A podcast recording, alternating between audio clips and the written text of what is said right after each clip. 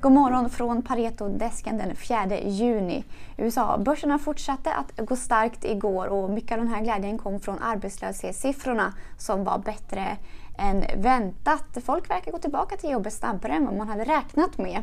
Men å andra sidan så har vi en upptrappning av handelskonflikten mellan USA och Kina. USA gick igår ut med att man stoppar flygtrafiken från Kina efter att Kina har gjort motsvarande sak för den amerikanska flygtrafiken i eh, Kina.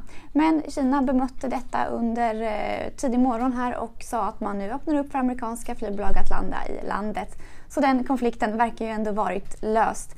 Trots eh, det här så är det lite blandat på de ledande börserna i Asien. Och innan vi går vidare till Europa och Sverige så tänkte jag nämna Warner Music som började handlas igår och aktien togs, väl, togs emot mycket väl av marknaden och rusade 20 procent. Ja, vidare till Europa och Tyskland närmare bestämt för Tyskland har kommit med ett nytt stödpaket. Stödpaketet eh, handlar om 130 miljarder euro och Tyskland har ju tidigare givit stora stöd till eh, landet under den här coronakrisen och de verkar alltså fortsätta med det. Eh, idag på Paretos morgonmöte så lyfter vi iGaming-sektorn som gått starkt senaste månaden och våra analytiker är fortsatt positiv till sektorn. Lockdowns har ju gynnat online-casino bland annat och eh, favoriten hos vår analytiker Marlon Wernvik är Kambi. Kambi har ju en exponering både mot, mot sportbetting och USA.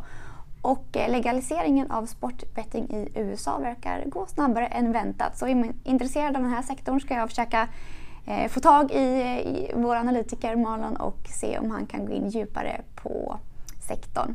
Men nu Fredrik ska du inte få stå här ensam längre.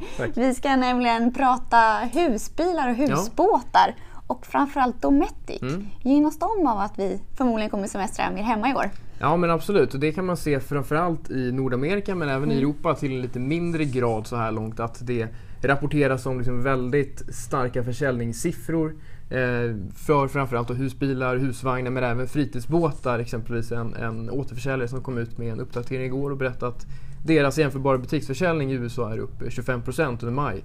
Vilket är självklart är mm. väldigt starka siffror för en sån, ett sån typ av bransch. Eh, de flesta av tillverkarna började stänga ner sina fabriker i slutet av mars eh, när coronapandemin eh, slog kraftigt i Europa och i Nordamerika. Mm. Och sen har man börjat öppna upp då här från mitten av april och nu in i maj. Och då Dometic då som en underleverantör knappt 80% av sin totala försäljning mot mm husvagnar, husbilar och fritidsbåtar eh, tjänar givetvis på att man rampar upp produktionen väldigt kraftigt nu. Mm, och vi har ju tidigare år sett den här trenden om att man blir mer miljövänlig, man vill semestra hemma. Tror du att det här skjuter på och försnabbar den här transformeringen och gynnar bolaget lite mer och mer?